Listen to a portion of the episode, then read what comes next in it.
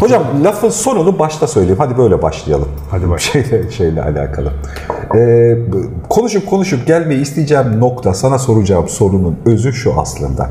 İyilik bizim evrimsel olarak üzerimizde taşıdığımız bir zaruriyet, güdü mü? Yoksa bu öğrendiğimiz, zihinsel kabiliyetlerimizle geliştirdiğimiz, toplumsal olarak işte sosyal kültürel gelişimlerimizle fark ettiğimiz bir şey mi? Buraya gelirken ki şeyim de şu, yani hani buraya bu soruya gelene kadar ki genel paragraf cümlemde şu. Ee, çok sıklıkla fark ediyorum. İşte sosyal örüntüler okuma hikayesinin içerisinde de fark ediyorum. 40 yaşın üzerindeki bir sürü adam bariz bildiğin adam, kadın, insan yani hani e, belli bir yaş silsilesi, tecrübe silsilesi yaşamış insanda anlamsızlıkla alakalı bir problem döngüsüne giriyor. Anlamlarını kaybediyor. Bu anlamlar büyük anlamlarda olabilir. Yani dinle ilişkili de olabilir, devletle ilişkili anlamlarda olabilir, sosyal örüntülerde aile kavramı falan da olabilir. Hepsi sorgulana sorgulana geliyor ya da eskisi kadar ciddiye alınmayacağını fark etme evresi geliyor hikayeye.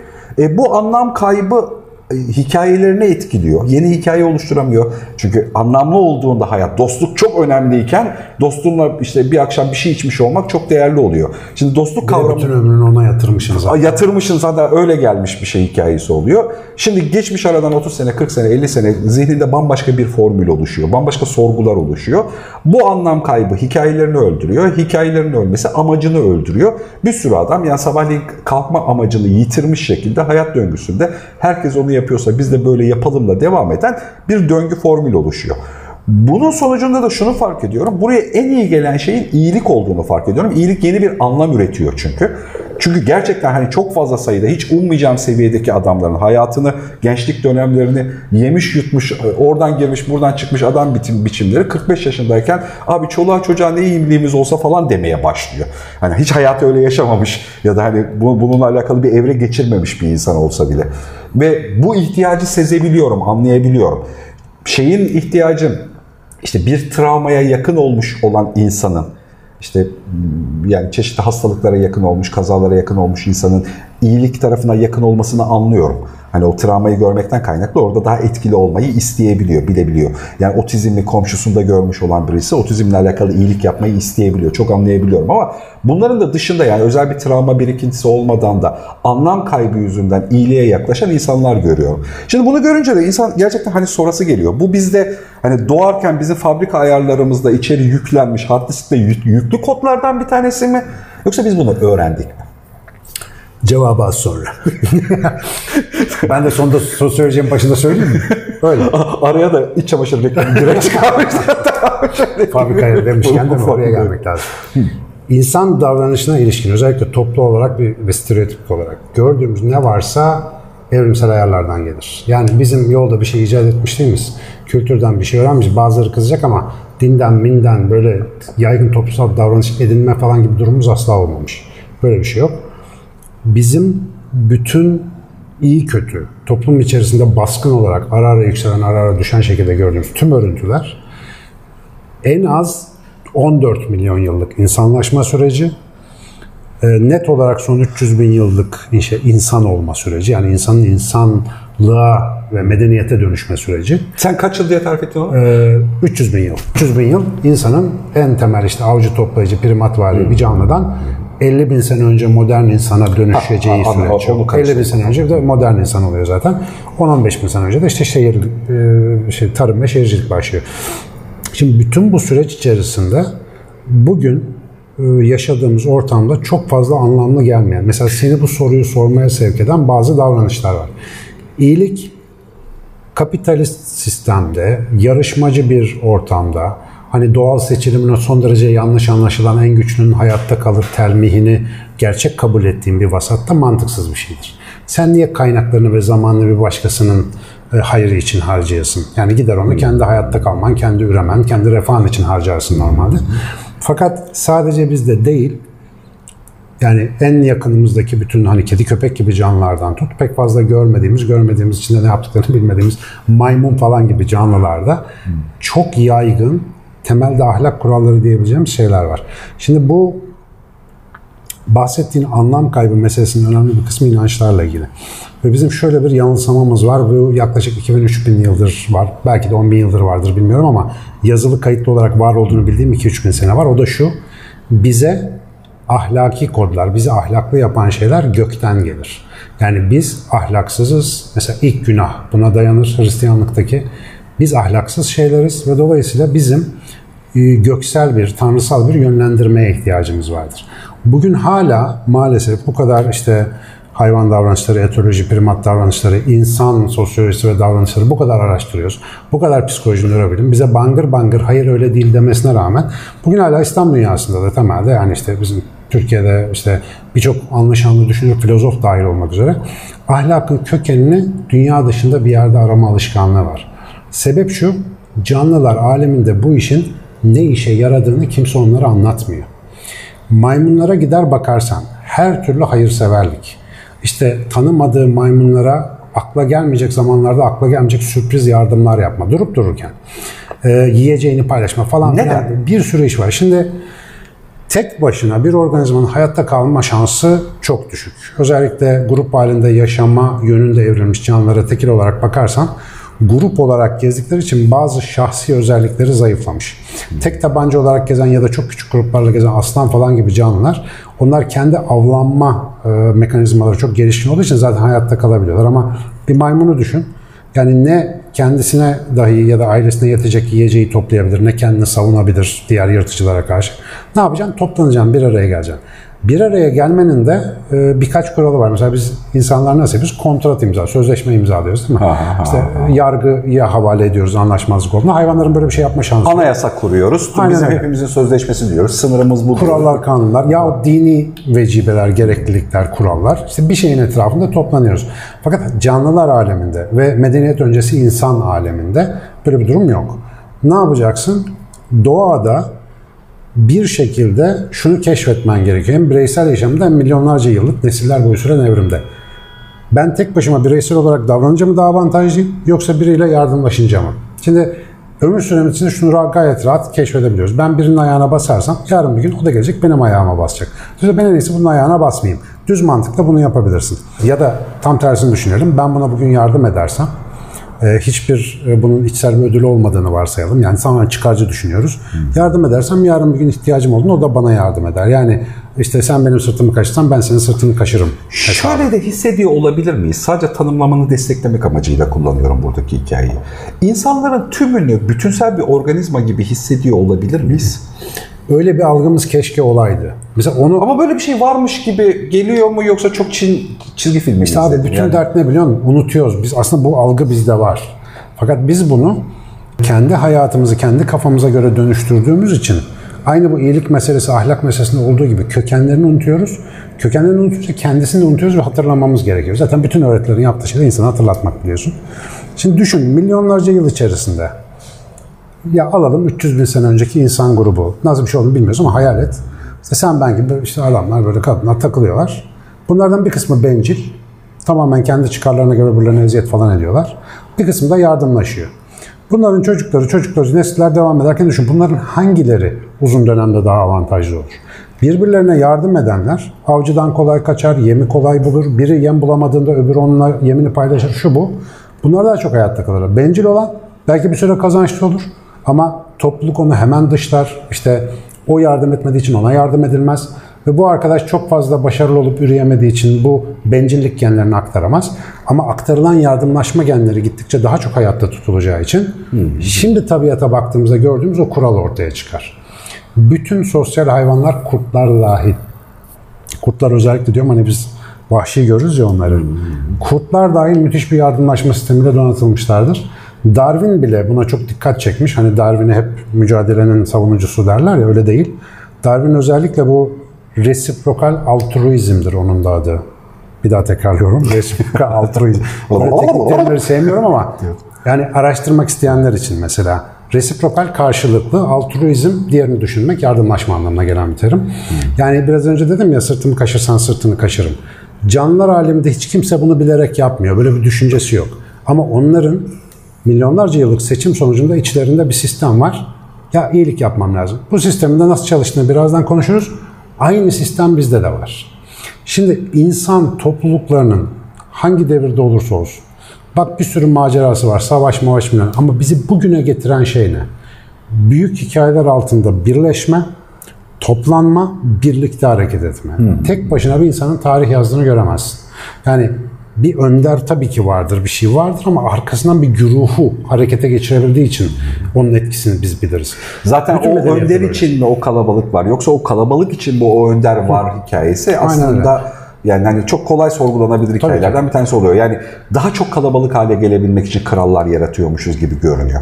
Ya zaten önderi önder yapan şey ne? İnsanları peşine takacak hikaye yazabilmek. Hmm. Onlara bir hedef koyabilmek ya da işte bir düşmana doğru bir taktikle ilerlemeyi gösterebilmek falan filan. Hmm. Yani böyle bir şey yaptığı zaman acayip bir canlı grubuyuz ve bir anda o hikayenin altında bir araya geliyoruz. Hangi hikaye olursa olsun hep aynı prensip işliyor. Mesela siz kardeşsiniz ya ben kardeşim istiyorum. Öbürüne karşı bunu muhafaza ederim değil mi? Birbirimizi koruruz. E bu bir ne öteki sağlıyor? bir de biz hikayeleri Tabii, var işte. Senin kaslarından çok daha büyük bir güce sahip olmak anlamına geliyor. Ya da senin zekandan çok büyük bir zekayla beraber yaşamak demek. E şimdi bu herhangi bir kitapta yazmasına gerek olmayan, herhangi bir öğretiyle öğretilmesine gerek olmayan bir şey. Fakat sorun şu. Biz unutuyoruz bunu. Mesela bak dedin ya anlam kaybına uğradıktan sonra lan ben acaba iyilik yapsam güzel bir şey olur mu noktasına kadar bunu erteliyoruz. Bencil bir hayat mesela bugün norm olmuş ya. Hmm. O bencilliğin mutluluk getireceğini sanıyoruz ya. Bu arada şöyle bir şey e, seziyor ya da hissediyorum. Yani biraz böyle evrimsel kodlar diye zorlamamı gerekçesi de o. Gerçekten kişi yani çok anlamsız bir bağ. Yani kendi moral bozukluğunu iyilik yaparak düzeltebiliyor. Tabii işte onun yani aslında fiziken bir bağ yokmuş gibi yok. görünüyor. Tabii. Yani bir şeydi ama o, iyi var. biri olduğunda ya da iyi, iyilik diye kabul ettiğimiz yani iyilik diye kabul ettiğimiz şey şimdi yapılan, beklenenin dışı yapılan ve bireysel olarak kendinden verdiğin dışarıya pozitif Aynen. etki. Bu eylemi gerçekleştirdiğinde ertesi sabah kalkarken daha iyi kalkıyorsun gerçekten. Hatta anında daha iyi oluyorsun. Evet anında daha iyi oluyorsun. Bu da bu, yani iyiliği mesela şey alınca gerçekten bu, bu sohbete gelmeden öncesinde birazcık da okuma yaptım işin üzerine. İyilikle ilgili kavramlar en modern anlamda sadece felsefeye kadar yaklaşabilmiş. İyilik Tabii. bilimsel anlamdaki hiçbir şeyin konusu değil. İyilik dinlerin konusu, iyilik spiritüel hikayelerin konusu, iyilik cinlerin, perilerin konusu. Yani gerçekten hani mevzu ona geliyor. Evliyalar ve falan falan yani başka bir evrenin hikayesi. Halbuki iyilik böyle fiziki hayatımızda bir gerçeklik. Tuhaf bir gerçeklik bunu yaşıyorken. Yani bir bugün mesela bir beyin görüntüleme sistemiyle biraz dikkatli uğraşırsan hayırsever bir insanın gerçekten hayırsever mi yoksa çıkarcı üçkağıtçının biri mi olduğunu görebilirim ben beynimden. Böyle bir yöntem var. Detayları vermeyeceğim ama e, bu mümkün. Çünkü iyilik yapmayla iyilik yapıyormuş gibi davranma arasında içsel mekanizmalar açısından çok fark var. Şimdi istersen bir şey özetleyeyim. Yani Lütfen. İyi, iyilik yapınca çünkü o e, insanlar, anlam kaybına uğrayan insanları bu kadar tatmin etmesinin sebebi aslında bütün hayvanlardaki ortak mekanizma.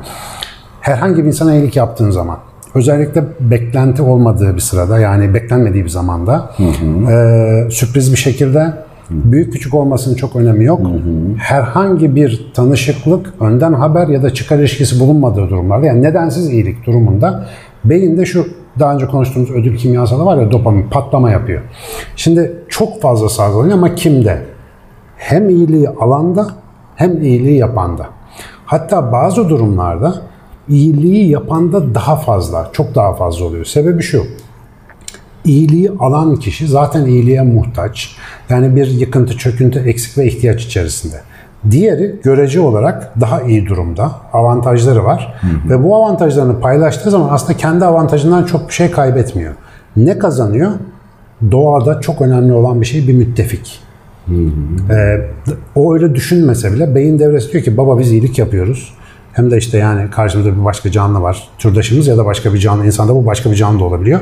Ben buna iyilik yaptığım zaman bu bizi bağlayacak. Böyle sözsüz zımni bir devre var gibi gözüküyor beynimizde.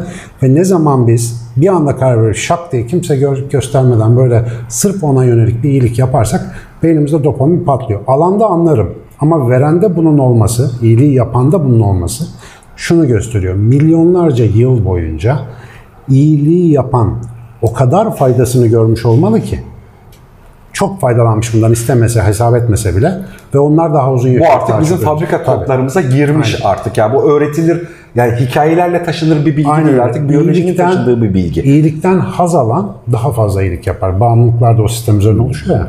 İyilikten haz alıp daha çok iyilik yaptıkça o daha avantajlı hale geliyor, daha çok seçiliyor. Yani milyonlarca yılda, milyonlarca nesil boyunca olan seçilim bu şeye karşı, iyiliğe karşı ödül sistemini kuvvetlendirmiş. Şimdi bu neden işte orta yaş programına girmeden çoğu insanın hayatına girmiyor? Gerek yok. Bir sürü yanal şeyle biz bu dopamin sistemimizi zaten okşayabiliyoruz. İşte kariyer e, hevesleriyle, kendi hayallerimizle, hazlarla, sosyal medyayla, şunla bununla zaten oynuyoruz. Hayatımız çok kalabalık. Ama git işte 100 bin sene önce dağda bayırda oturuyorsun. Tık elinde yok bir şey yok. Televizyon yok, elektrik yok. Ne yapacaksın? O sosyal hayat içerisinde biyolojinin gerektirdiği davranışları göstereceksin. Ve bu da ağırlıklı olarak gidip şimdi şempanzeleri incelesek 100 bin sene önceki insanın ne yaptığını net olarak görebiliriz. Ben bu, İyilik yapacak. Bu, bu şöyle de olabilir mi diye düşündüm bununla alakalı. Yani 40 yaş e, negatifleyeceğimiz bir hikaye değil aslında orta yaş hikayesi. Yok canım ben, ben, pozitif, ha, ben pozitif okuyarak söylemiştim. Yani 20'li yaşlarda gördüğümüz her hikayeyi çok anlamlı bulmaya yatkın bir patlangaç beynimiz varken işte 40'lı yaşlarda tecrübeyle müstahak o hikayelerin derinliklerini, zayıflıklarını böylece o anlamların derinliklerinde zayıflarını fark edebilme tecrübesine sahip oluyorsun. Tabii. Daha derin bir anlama ihtiyaç Peygamberlik yaşı abi. Ee, Genellikle 40 yaşında peygamber oluyorlar. Niye? Ya o yaşta bir durum var yani. Öyle evet, gömmedim canım ben de. Benim de 40 yaş çok iyi geçti yani güzel. Ee, Kaç şey geçtiğini söylemeyelim. İyilik yani koda gömülü bir hikaye. O zaman yani Mecburi. şey... Ha şimdi Mecburi. onu soracağım. Bir zaruriyet o zaman. Zaruriyet. İyilik yapmadığın zaman kötüleşirsin. Kuşun uçmasına benzetiyorum ben bunu. Kuş kanadını çırpmaz ise düşer. Yani uçmak dediğin şey devamlı bir enerji sarfiyatı, devamlı yatırım gerektirir.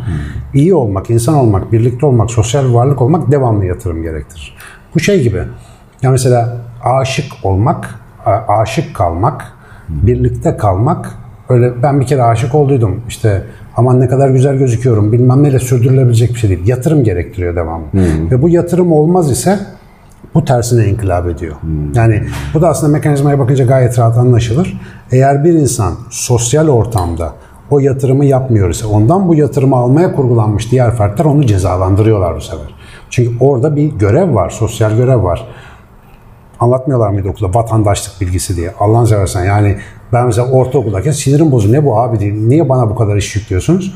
Bana değil ki yanındakine de yüklüyor. Hmm. Ben de ondan istifade ediyorum. Bunu yıllar sonra anlıyorsun. Biyolojik sistemi yüklediği bu iyilik kodlarının bütün esprisi türün devamı. Yani bireysel olarak bizi çok fazla sallamıyor sistem. Esas olan türün devamı. Bunun için en iyi olan versiyonda milyonlarca yılda e, vaktimiz varmış. Yani vakti varmış canlıda. Tak tak tak seçip bugüne kadar getirmiş.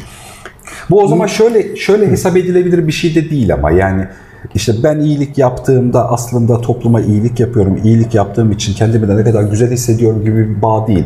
Bu arada bu işin e, spiritüel şeylere bağlanmasının sebebi de bu galiba. Biz aslında iyilikle gerçekten dibini hiçbir zaman göremeyeceğimiz e, kapkaranlık bir kuyuya bir şey atıyoruz. Ama bu atma eyleminin kendisi bizdeki kodlamada bambaşka bir yerden bir şey getiriyor bize. Yani Demin bu dedim ya bak beyin görüntüleri. Ölçülebilir bir bağ yok yani arada. E, tabii ki. Hatta ters orantı var. Demin dedim ya beynine bakarak adamın gerçekten mi yoksa hmm. sahte mi yaptığını gösterin diye. Şimdi iyilik arzusu. Mesela neden birine bir kıyak yapmayı, iyilik yapmayı, yardım etmeyi tercih edersin?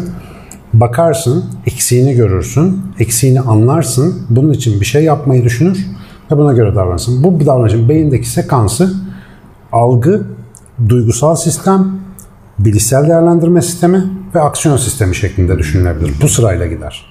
Fakat bir insan eğer dediğin gibi düşünüyorsa, ulan ben böyle yaparsam işte yani bana iyi derler, şu olur bu olur, avantaj sağlarım diye düşünüyorsa, önce bilişsel sistem, hesap kitap, işte efendim o hayal kurma, plan yapma vesaire alanları. Duygusal sistemde genellikle elektrikler kesik, arkasından aksiyon sistemi. Ve aksiyon sistemi de aksiyonu yaptıktan sonra yani o yardımı yaptıktan sonra o gördüğümüz işte Akumbens çekirdeğindeki ödül merkezlerindeki o işte beyin sapındaki bazı çekirdeklerden aldığımız o ışıldamalar o kişilerde olmuyor. Olamaz. Çünkü oradaki motivasyon harekete geçirici farklı. Dışarıdan bakarsan iki tane aynı davranış. Biraz da iyi aktörse her şeyini güzel taklit eder. Ama içeride bambaşka bir hikaye dönüyor. O seçilmez, o seçilmemiş. O bizim icat ettiğimiz şey. Yalandan iyilik hmm. bizim icat ettiğimiz bir şey. Ha bu arada bunu maymunlar falan da yapıyorlar. Yani bizim icat ettiğimiz derken çok da bize özel değil. Üç kağıt yapma, yalan söyleme, kandırma maymunlar da hiç fena değil. Bir gün bak bunu konuşalım. Hayvanlar aleminde mizah ve kandırma. Yani zekanın en önemli işaretleri bunlar. Bizde tabii çok ileri düzeyde. Yani işte dediğin yöntemle kendimizi de başkasını da kandırabiliyoruz ama default olan da çok içsel bir mekanizma var. Yani. Tabii bu arada bir şey daha söylemek gerekiyor. Bunun e, toplumsal olarak bu kadar o kadar büyük bir işlevli parlaklığı var ki iyiliğin kendisinin.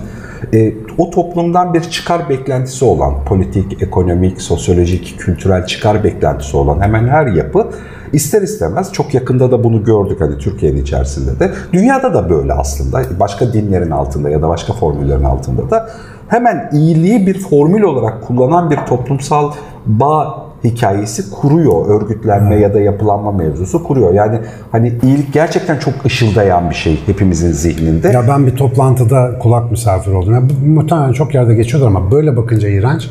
Yani mesela şöyle şöyle yapalım işte buradan şey yapılan gelir de abi sosyal sorumluluk falan yapmamız lazım. Yani şu çocuklar falan yardım edelim. Şimdi bu, bu hale ya o bir böyle mütemmemci. Bu yine ben bir şey söyleyeyim mi? Yani hani dini ya da siyasal ya da politik çıkar bekleyen gruplardan daha, daha samimi. Yani ya da... üç, üç tane şey saydıydın bir ara bana. İyilik yapma motivasyonu üç. Şimdi yapacaksın. Ha. Beklenmeyen şeyi yapacaksın. Hı. Kimden geldiği belli olmayacak. Bu üç ana sabit kuralı. Ha. Yani şimdi yapacaksın. Yani bu şey gibi bir şey değil. Planlarsan o devletin işi oluyor. Evet. İyilik olmuyor. Planlamayacaksın. Şimdi yapacaksın. Adam açsa şimdi doyuracaksın. Adamın şu anda yanında birine ihtiyacı, koluna girecek birine ihtiyacı varsa şimdi gideceksin koluna gireceksin. Yani şeyi hesaplamayacaksın. Ben şimdi çalıştırayım 10 tane adam eğiteyim. Bundan sonra buradan geçen tüm yaşları karşıya geçirse o devletin işi. O iyilik değil.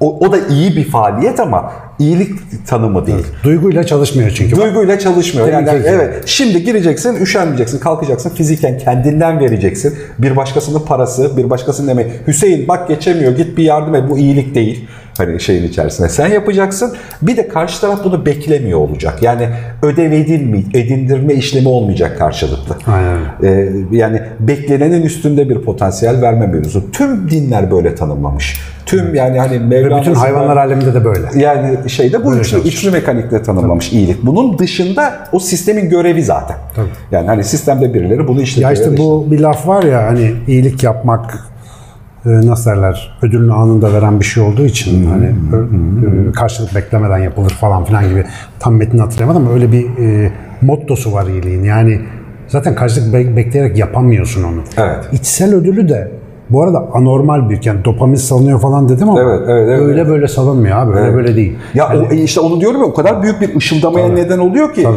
tüm büyük politik sistemler kullanıyor bunu. Aynen. Yani hani büyük yatırım gerekçesi. Tabii canım tabii. Şey. Yani bir bir e, yani herhangi bir orta düzey ülkede iktidar olmanın garantili yoludur ben söyleyeyim. Yani buradan bütün iktidar olmak isteyenlere diye bu şarkı böyle, oradan Böyle problem, çek, problem çeksek ya. Evet. İktidar olmak isteyenlere 10 önerir falan gibi. Sağlam bir yardım organizasyonu müthiştir. Mesela yani şimdi Türkiye'de iktidardaki partinin kuruluş dönemini ben iyi biliyorum. Yani gerçekten çok iyi yaptılar bu işi. Her köşeye ulaştılar. Yani özellikle büyük şehirlerde. Bu çok büyük bir halk hareketini, daha doğrusu halk cevabını da getirdi beraberinde. Yani bu e, tabii Türkiye'de ondan sonra makarna işte şeker meker muhabbetine sardılar kömür bu işi ama ha, kömür falan. Ya, esas burada olan şey ihtiyacının karşılanması ya da çıkar sağlamak değildir aslında. Eğer beyin çalışma sistemine bakarsan birisi beni görüyor. Birisi benim için zamanını, malını, e, değerli işte bir şeylerini ayırıyor ve beni önemsiyor. Şimdi bu görülme hali her şeye bedel. Çünkü tek başına kalan bir organizma olarak hemen ölebileceğimize dair bir içsel korkumuz var. O yüzden yalnızlıktan ödümüz kopuyor. Ve birisinin bizi görmesi, bize yardımcı olması işte o yüzden beynimizde havai fişekler patlatıyor. Ve ölümüne seviyoruz o kişiyi mesela. E, siyasetçi sevilmek istemez mi? Lider sevilmek istemez mi? Yapacağınız en iyi şey iyilik yapmak. Yani bankodur bu. Ya Alfa, bu 2016'dan sonraki bu, bu hikayelerin içerisinde en çok kalbimi kırık dinlediğim mevzu da burasıdır tüm politik marazasını görmesine, tüm süreçle ilgili büyük aksaklık olmasına işte zaten hapiste olmasına rağmen kalben hala zaruri bir bağı bak inançla ilgili bir bağ değil işte o iyiliğin evet. oluşturduğu bağ. Aynen. Çünkü o çocuğa işte 10, 11 yaşındayken almış sahip çıkmış. 11 yaşından 35 yaşına getirmiş, 30 yaşına getirmiş, eşlik etmişler. Gerçekten iyilik yapmışlar. Hı. O kopamıyor o bağdan. Tüm sürecin aksaklığını bilmesine rağmen. Yani teorik olarak konuyu anlıyor ne olduğunu. Kullanıldığını da anlıyor mevzuda. Ama Kim, kalbi kimden hala- bahsediyorsun Barış? e, F- FETÖ'nün içerisindeki herhangi bir adam hikayesinden Ha, şu- şu bahsediyorum. hikaye. Tabii canım E, tabii. Şeyde. O müthiş bir zaten. Ya bu Elazığ'la ilgili 5 hikaye dinlemişliğim vardı. Canım, tabii şeyi. ki. Yani mesela oradaki, o oradaki bütün bağlanma, zaten bu tip kült örgütlerdeki bütün bağlanmalar, insanın bu 6-7 tane fabrika ayarını kullanır işte. Yani onların anksiyetesini alır, yalnızlığını ortadan kaldırır, sıkıştığında orada olacağını bildirir. Yani yardım etmese bile sıkıştığında ben varım koçum. Bir işte aidiyet duygusu falan filan. Bunların hepsi insanın 4-5 tane temel sosyal ihtiyacı. Bunları yerleştirdiğimiz zaten iş bitiyor. Bütün geri kalanın hepsi bunun üzerine ne anlattığınla ilgili. Maalesef ben doğru dürüst yani kalabalıkları etkileyen sistemler açısından bu güzel dinamikleri kullanıp da adam gibi bir şey anlatabilen görmedim. Yani hep bir böyle maraza bir amaç çıkıyor sonuçta bu işler. Bu arada da araya insanın- giriyoruz. Buradaki mevzunun başlangıcına bilimsel anlamda ölçebileceğimiz bir teori üzerinde de çalışıyoruz. Yani Bence oldu, sonlanacak oldu. sürecin başını nasıl ölçüp neyi neye göre kanalize edeceğimizle bilimsel kontrolü yapılabilir bir hikaye üzerine de beraber çalışıyoruz. Aradan reklamını da vereyim mevzu. Ama o, o şey o yani o projemiz hayata geçtikten sonra burada onu detaylı bir konuşalım. Olur. Çünkü hakikaten güzel kafa. Ee, ve yani Türkiye'nin birçok der- dünyanın birçok derdini çözebilecek bence önemli bir şey. Bakalım bir yerden başlayacağız o işi yapmaya. Seni acaba evrimsel köken olduğunu ikna edebildin mi? Çünkü bak şöyle Yok, bir şey var. ya evet buna zaten teşneydim. Yüzde yüz. teşneysen tamam. Zaten teşneydim gay- gayet ikna Ya ettim. Çünkü çoğu insana bunu an- yani maymunla insanın yaptığı iyilik arasında bir fark olduğunu düşünüyor. Ben farkı söyleyeyim. Maymun gerçekten saf iyilik yapıyor. Biz ise bazen ucunda cennet, bazen ucunda efendim bir ikbal beklentisiyle maalesef iyilik yapıyoruz. Bizi yani hayvandan farklı kılan bir şey varsa işte bu. Biz inançları bize yaşamayı öğretiyor Bu diye çok alıyoruz. iddialı bir şey ama söylediğin şey bu şu aynı zamanda. Yani sen iyilik yaptığında hiçbir fiziksel döngünün içerisinde olmadığın halde senin bünyen daha iyi olacak. Yüzde yüz. Yani aslında söylediğin şey bu değil mi? Yani hani- Sen iyilik yapmak zorundasın. Evet, bu yani bu yemek yemek gibi, tuvalete gitmek gibi. Bu mecbur yani ayarın içerisinde. Ama sen bunu bir nedenle yapıyor isen bu yaşamla bağdaşır. Doğru saf bir şey değil. Yani bizim mesela şunu yapma motivasyonumuza baksana. İşte anlatma motivasyonumuz. Senin üzerine vazife olmayan o kadar işte uğraşma. Bu niye? Yani sonuçta ne kazanıyorsun buradan? bir değer çıkarıyorsun orada. Değer çıkarmakta tatmin oluyorsun. Sanatçı bunu sanat eseri vererek yapıyor. İşte müzisyen müzik bestesi koyuyor ortaya falan. Ama burada eğer biz bunu yaparken olan biz şimdi burada bunu konuşuyoruz. Bak yarın bir gün buradan şöyle biri dinler bize. Ya bunun safiyeti kaçar yani. Bu öyle olmaz. İşte o zaman onun için konuşmaya başlarsa bu konuda Aa, çok çirkin bir hal olur. Se- yani. Sezon arasına girdik diye bu kadar fırça yiyemeyiz o zaman. Zaten bizi seyreden kimse de olmazdı. Burada tekrar teşekkür ediyoruz. Sezon arasına girdik diye o kadar fırça atanlar bak haldır haldır bölüm çekiyoruz vallahi.